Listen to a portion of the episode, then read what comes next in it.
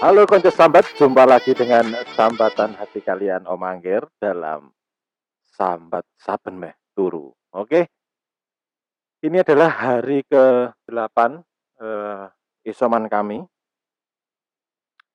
Eh, sekali lagi semuanya semakin membaik, sudah tidak ada gejala sama sekali. Bersin-bersin pun tidak. Eh, gendis ibu dan saya tentunya makannya semakin lahap. Dan ini hari ke-8. Om Angger pengen cerita soal kebingungan Om Angger hari ini. Jadi setelah sekeluarga dinyatakan positif, lalu kita mau kembali lagi hidup normal, masuk kerja lagi, istri masuk kerja, saya masuk kerja lagi. Itu seperti apa prosesnya? Om Angger bakal cerita di Sambat Saben Meh Turu episode ke-8.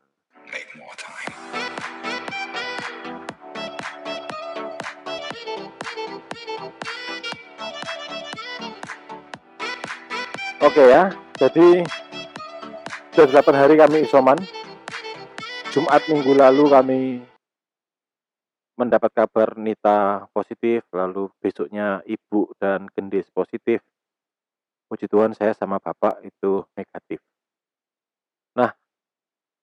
Setelah dinyatakan positif, itu kalau aku lihat di aplikasi peduli lindunginya Nita, itu langsung ada declare ya, bahwa dia positif. Tentu kalau aplikasi itu digunakan waktu mau tap, mau check in ke tempat-tempat tertentu menggunakan aplikasi peduli lindungi tentu akan muncul merah dan dia tidak bisa masuk ke lokasi itu.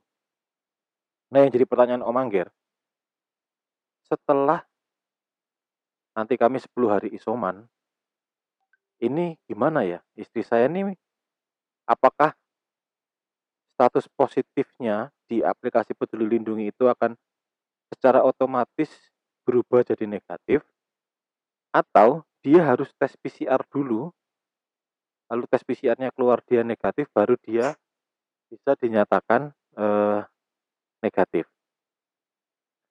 Nah ini ini aku bingung, bingungnya aku di situ.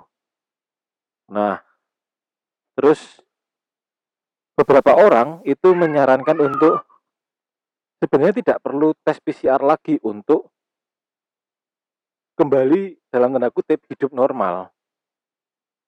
Kamu cukup isoman 10 hari atau kok dulu 14 hari ya, sekarang diturunkan lagi itu batasnya. Cukup 10 hari, maka kamu sudah dianggap negatif. Nah, aku juga belum tahu nih.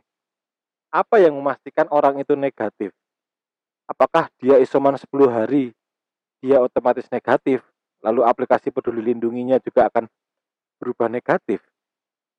Apakah mungkin orang tanpa tes hanya isoman 10-14 hari dia negatif?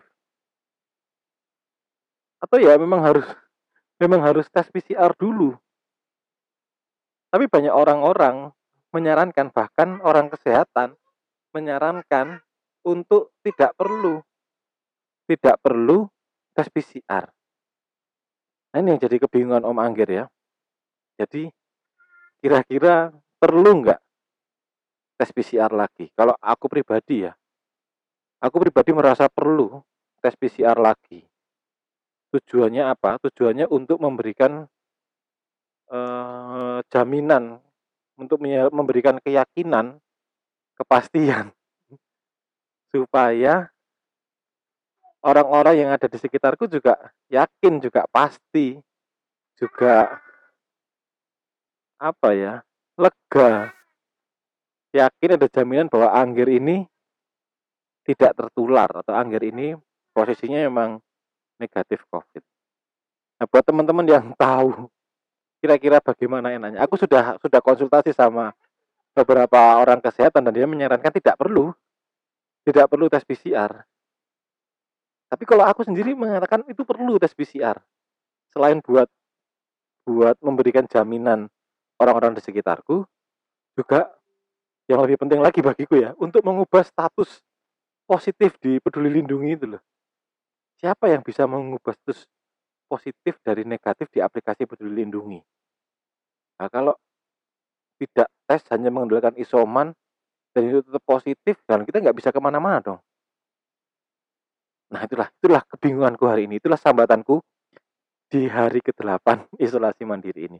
Buat teman-teman yang tahu ya, tinggalkan kolom tinggalkan pesan di kolom komentar. Kasih tahu menurut kalian baiknya bagaimana? PCR lagi untuk membuktikan negatif atau yaudahlah cukup dengan isoman aja. Aku sih masih bingung. Aku sih aku sih merasa perlu deh. Perlu PCR lagi. Ya walaupun mahal. ya itu saja kebingungan sambatan Om Angger pada hari ini. Sehat-sehat selalu. Sampai jumpa besok malam di isoman hari ke-9. Wih, amin satu. Sehat-sehat selalu, selamat malam, selamat beristirahat. Tuhan memberkati. Om Angger pamit dulu, selamat malam. Dadah.